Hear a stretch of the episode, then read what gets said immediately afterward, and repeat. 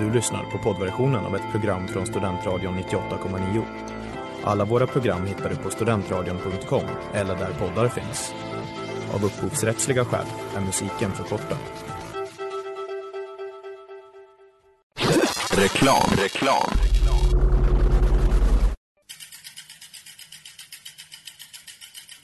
Har du fått punka, krångla växeln eller är cykeln inte lika snabb som den en gång brukade vara? Vänd dig då till Leffes cykel, Uppsalas främsta cykelverkstad sedan 1988. Du hittar dem ett stenkast från Ekonomikum på Sibyllegatan 9 i Luthagen och på leffecykel.se.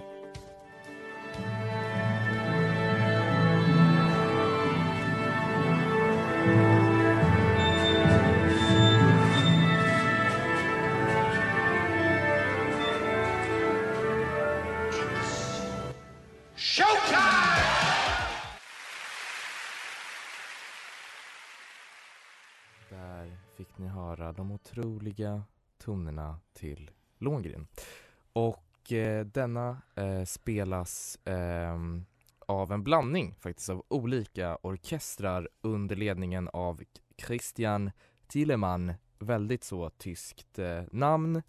Och eh, den spelas då i Bayreuther Festspiele, Bayreuth, Bayreuth Festspelen som hålls varje år eh, under sommaren. Eh, och vi kommer gå igenom lite mer vad, vad som är så spektakulärt med denna festival i Wagner-anda. Men eh, först ska vi helt enkelt gå igenom vad den här operan handlar om. Kai, take it away. Ja, vi kommer in här på, det är, oh, det är kanske krigård, det är en kungård, det är lite Duchess, åh, den här eh, onda snubben som skulle gifta sig med Elsa, han, eh, han anklagar henne för att ha dödat eh, hennes, eh, hennes egna bror. Eh, för att hon vill ha makt, ja tydligen, och jävla kvinnor. Eh, och sen så, och hon bara åh nej, och det blir tri- trial by combat. Men, då så, och då, men ingen vill komma in fram för att, för att eh, beskydda henne. Men då kommer han, långgren, som en svan och säger jag kan skydda dig men du får inte fråga mitt namn eller vad, vem jag är. Och hon bara ja såklart och sen så vinner han och sen så ska de gifta sig. Men till slut så hon, hon blir liksom mindfuckad av uh, Ortuda eller vad hon heter. Ehm, och till slut så frågar hon vad heter du, vad heter du? Och då skiljs de åt. Ja, det är väldigt, eh, det är väldigt tragisk Mm. opera att det sker så. Eh, och vi kommer att gå igenom lite senare varför det är just så att hon inte får fråga vem det är. Eh, och det visar sig just då att han är Långgren. Eh, då son till Pars- Parsifal som eh, även är en opera av eh, Wagner. Så det kan vara lite kul så, legacy. Eh, en väldigt intressant grej med just Wagner och hans operor det är att han själv skriver in sig som karaktärer. Han har en så väldigt stark koppling till vissa av hans eh, operakaraktärer och eh, han identifierar sig med den här eh, Långren. Och No eh, vi kommer få höra sen också att eh, det är ganska problematiskt att, att han identifierar sig eh, med honom och det finns även en viss annan person under Tyskland så väldigt prominent under så här 30-40-talet där Mm. eh, som också tycker att han är den här vita riddaren eh, i den, vad ska man säga, skimrande rustningen som räddar, räddar Elsa. Eh, Mm. En grej jag tänkte på också, vi såg ju då den här eh, uppsättningen från eh, Bayreuth och eh, de som har designat den här, de här kostymerna jobbat i ungefär fyra år för att göra det här. Och eh, Elsa är lite lik Elsa i Frozen. Ja, Eller hur? Jag, jag tyckte det var lite så, ja, men lite. lite så, de har så vingar och då Ja. är man såhär, ja okej, de är typ som eh, fairy liksom. godmother Men, eh, men hon har det här liksom silvriga håret, då tänkte Mm. jag, det här, det här är nog eh, Elsa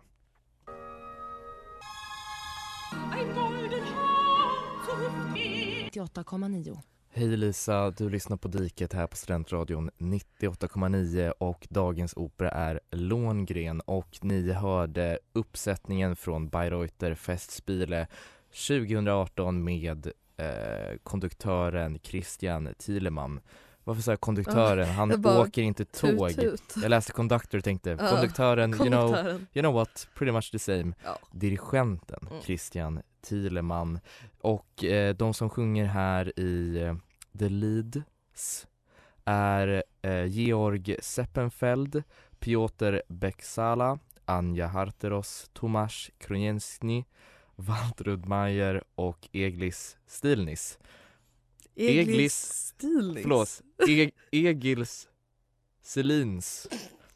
Herregud vad jag butchar deras namn, men eh, vet ni vad? Ni kan eh, kolla på den här själva på SVT Play. För vilken uppsättning det var. Alltså jag är verkligen så Alltså indragen. wow!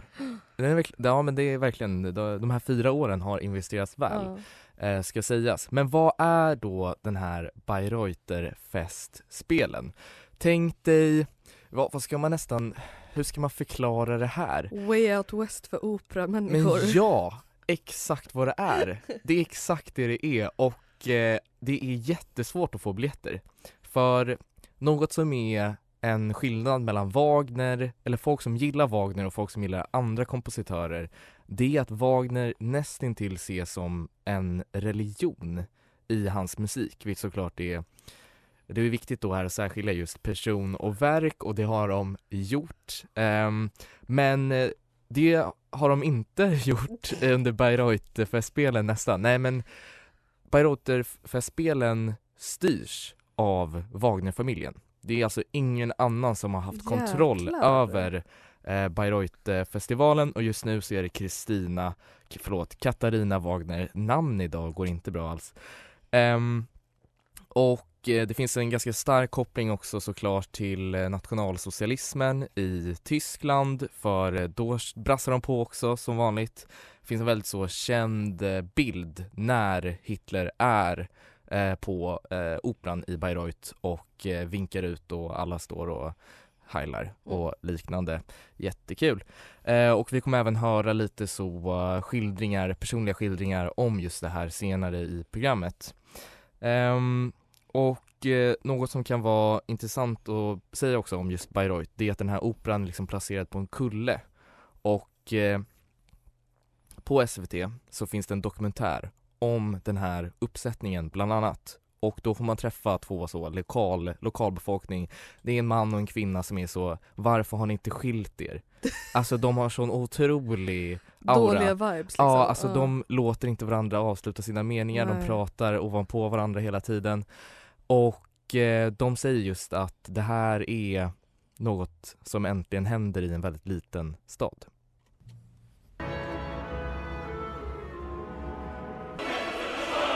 Och innan hörde ni Lohengrin från Bayreuther Festspielen. Och eh, nu är det dags för detta. Jag måste hälsa till morsan! Ja, och eh, nu har vi här Katarina Aronsson, min kära mor och professionell dramaturg på linjen. Hallå, Hallå, hallå! hur står det till? Det är bra. Hur är det själv? Det är bara bra med oss. Eh, vår första fråga är hur orkar man egentligen sjunga en Wagneropera? De är ju inte korta. Nej, en gång när jag eh, var här i operahuset och gick i trapphuset, det finns liksom där trapphus och eh, då var det två tenorer som gick framför mig. Båda sjöng Siegfried i en annan Wagneropera då. Och då hörde jag deras konversation, för då sa den ena, brukar du sjunga upp innan? Nej, sa den andra då. De hade lite diskussion om det, om man, om man skulle så att säga eh, trötta ut rösten genom att sjunga upp eller om man kunde sjunga upp i själva föreställningen under tidens gång. så att, Ja, jag vet inte hur man orkar. Jag tror man måste vara... Eh, det är inte det första man sätter igång och sjunger när man är sångare utan man kanske ska ha lite erfarenhet så man vet hur man ska hushålla med sina resurser. Sen är det kanske inte alla som klarar av att sjunga det heller. Jag menar det, det är, kräver en viss typ av röst. Mm. Sen Birgit Nilsson sa att de behövde ett par bra skor. Det var liksom det som var hemligheten. Ah, okej. För det är som, långt, är ja. som Mm. servicepersonalen helt enkelt. Ett bra, ett bra par sneakers, annars klarar man inte. Precis. Mm. Det kanske stämmer till viss del i alla fall. Och eh, vår andra fråga är eh, kring just det här eh, frågeförbudet. Det är en sån klassisk eh, sån eh, dramaturgi, eller man ska säga. Men hur ska man tolka den? Att eh, Elsa inte får reda på ehm, identiteten. Det, hon får ju inte ställa frågan. Liksom, hon ska gifta sig med, med en snubbe då så får hon inte fråga vad han heter eller varifrån han kommer. Det är ju jättekonstigt. Det är klart att hon måste ställa den frågan till slut. Mm. Nej, men eh, det är ju en klassisk eh, naturligtvis dramaturgisk eh, poäng att man har en sån eh, vad ska vi säga, cliffhanger som hänger liksom genom hela operan. När- ska hon ställa frågan? För hon gör ju det till slut förstås. Så att på det viset är det ju bra. Det, men det, vet, man kan väl liksom känna med Elsa förstås att hon naturligtvis vill ställa frågan. Man kan ju också känna med Lohengrin, eller hur? Han, han tycker, ja men alltså döm mig nu utifrån vem jag är här och nu. Inte varifrån jag kommer, eller varifrån jag kommer så att säga. Så att eh, på det viset lite modernt. Man, man ska inte döma någon kanske efter CV eller utseende eller, eller genus eller så vidare. Ens identitet kanske kan bara vara här och nu. Mm. Det, finns, det finns mycket man kan eh, diskutera kring det där. Det är intressant. Ja, det, det var ett väldigt fint så avslut, eh, nästan politiskt eh, budskap. Ja, ja, det kan man kanske säga. Det, det, det finns ju också någonting läskigt i det därför att det finns de som menar att Lohengrin eller Wagner identifierade sig med Lohengrin och Ja. jag menar det här följ mig, frågställ inga frågor, följ mig bara. Det finns ju något lite otäckt i det också. Ja. ja, men det var väldigt intressant just i den här dokumentären just om Beirut att eh, Wagner så skrev väldigt tydligt vilka karaktärer han identifierade sig själv med. Så Mm. det är ju väldigt intressant. Ja, det finns ju en lite läskig grej att det var, det var ju också en annan tysk som hade Lohengrin som, som favoritopera. Du kanske vet vem jag tänker på då? Ja. En icke så sympatisk despot och tyrann. Nej men exakt och eh, vi kommer även prata lite mer om det i programmet. Men vi tackar för dig just nu. Ja, Så Tack. hörs vi snart igen. Ja, och där hörde ni Långren från Bayreutherfest eh, Spielen 2018 med eh, dirigerat av eh, Christian Dieleman Henrik Dieleman, förlåt varför kan jag aldrig säga namn? Och eh, ni lyssnar på Diket här på Studentradion 98,9 och vi, vi har förberett överraskningar åt varandra Precis. Eh, min lilla överraskning, den kommer ju här. Det är nämligen så att jag hittade... Ska vi få åka till Bayreuth? vi, vi ska åka till Bayreuth. Uh, lol. Eh, nej, de, de skulle inte släppa in mig. Nej, jag hittade, det jag letade runt lite på internet Mm. Så hittade jag en artikel från 96 skriven av Tina Rosenberg som heter Upp till kamp systrar om motstånd och teater. Så Mm. nu är det dags för Kajs queerhörna. Jajamän! Ja, förlåt jag älskar det. Ja, jag det, älskar den är bra, jag är stolt. Eh, ja, för att i den här artikeln, nu ska jag faktiskt bara, här är det real shit. Ja. Uh, nej, men I den här artikeln så eh, pratar de mycket om typ hur um, operan, opera på ett sätt kan definieras som en slags offerrit där män offrar kvinnor i, i, genom scenen. Mm. Eh, vilket vi har sett mycket i Typ alla operor. typ alla operor. Eh, och då pratar de lite om hur man typ kan eh, vända och vrida på det. Eh, till exempel typ, ja men okej, Långgren. Själva ramen är ju de här liksom maskulina konflikterna. Krig, heder, Sånt jag älskar. ja, vems brud som är vems. Exakt. Vem får jag gifta mig med? Ja, den inre, den är ju liksom den här kärleken mellan Elsa och, och Långgren. Ehm, och frågeförbudet blir ju liksom nästan huvudkonflikten Mm. i det hela. Och just det här med frågeförbud skriver eh, då som är ganska intressant om just att det blir ju, eftersom att det är kvinnor som ofta liksom i sådana fall utesluts från kunskap Mm. eh, så blir det liksom som ett maktspel.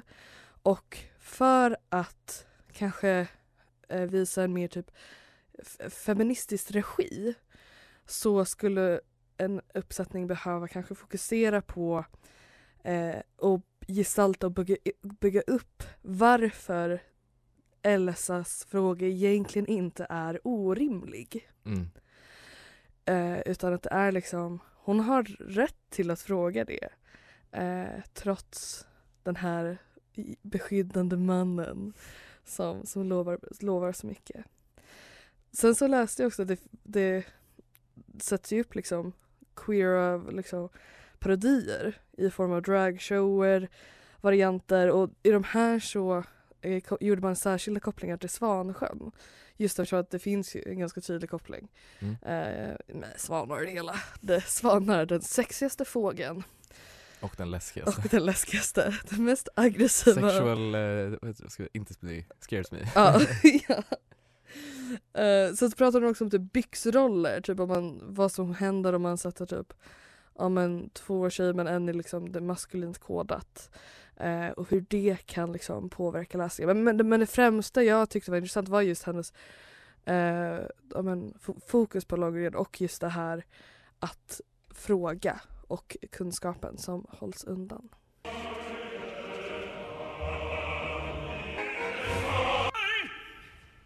Ja, och eh, där fick vi höra då Långren från Bayreuther-festspilen 2018 Dirigerat av, och denna gång ska jag inte säga fel, Christian. Det är Christian Thielemann. Det är Så Christian. Jag bara hittar på. Det är Krille. Jag tror att jag råkade säga någon så karaktär från serien Dark. Ja, alltså jag har ju bara väntat på att jag ska råka, råka säga typ långben Ja. istället. Eh, ja, och eh, först och främst vill jag säga att ni lyssnar på Diket, Mm. Studentradion 98,9 Men jag vill säga tack för en fin överraskning. Ja, tack så Eh, jag har redan påbörjat min överraskning Ja. med då Horace Engdahl-texten. Bring back Horace Engdahl. Hans, hans shadow ban är nu eh, lyft så att Ja, säga. jag, vet det. jag var med ett väldigt eh, provokativt spex Ja. där vi, där Horace Engdahl var i en grismask och jag med hjälp av Simone de Beauvoirs ord mördade honom. Oj vad härligt. Och med de orden så går vi nu genast vidare till vad han har skrivit om Långgren.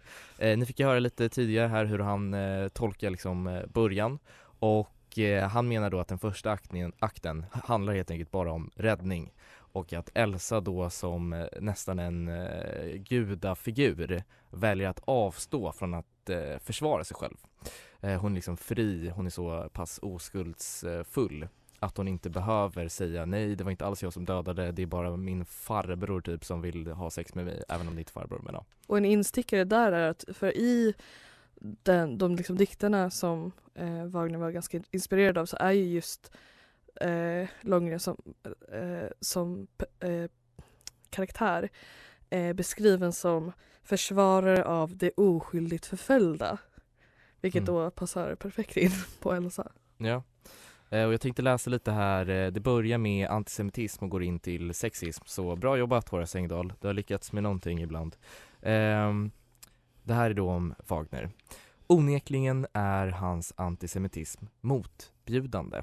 Den självklarhet med vilken han exploaterade sina gynnare, inte minst kvinnorna, är kväljande.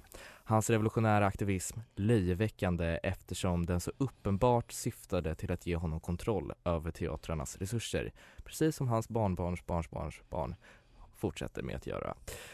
Hans kroniskt usla Med finanser det sagt Ja. så blir vi jättegärna sponsrade. Ja, absolut. Wagner snälla. Bayreuth. Hör, hör av er. Hans kroniskt usla finanser gjorde honom särskilt mottaglig för den prodhonska slagordet Egendom är ingen stöld, klassiskt.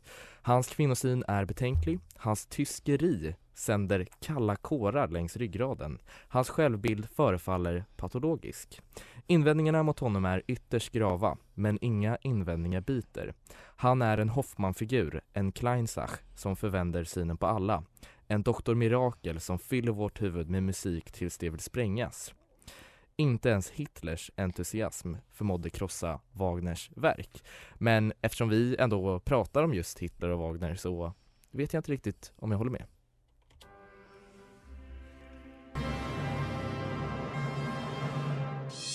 Och ni hörde precis, eh, precis eh, Långgren här på Diket på Studentradion 98,9 dirigerat av Christian Thielemann.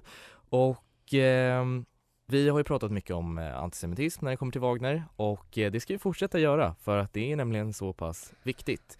Och eh, förutom att visa den här eh, Långren i Bayreuth så finns den här dokumentären också gå, går att se på på SVT Play som handlar om Wagner, Wagnersällskapet men även då hur man kanske om man eh, är judisk ska förhålla sig till eh, Wagner. Och jag tänkte att vi ska få höra på två olika eh, två, två olika personer som ska få prata om sina erfarenheter.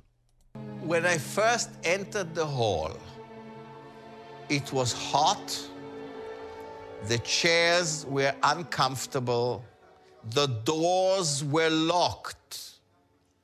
And I felt and thought about Jews being taken on trains to concentration camps. And I thought of the fact that I'm sitting in the hall where Hitler sat, which is so, so, so symbolic.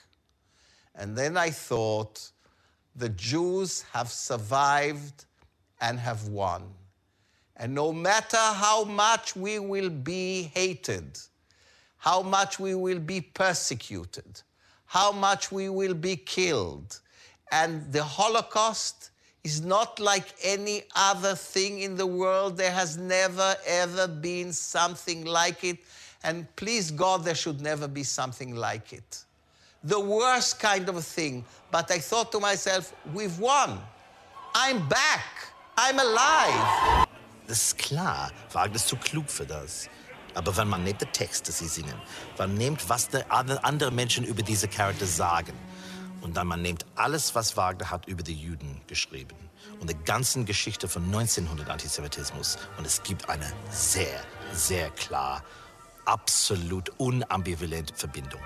Och där hörde ni hur det beskrivs att eh, Wagner är alldeles för klok för att göra det så pass tydligt att hans karaktärer är karikatyrer av eh, judar eh, och att eh, om man väl eh, läser mellan raderna så är det väldigt, väldigt tydligt.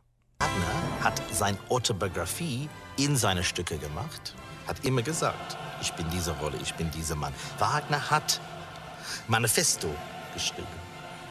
Wagner war ein politischer Mann.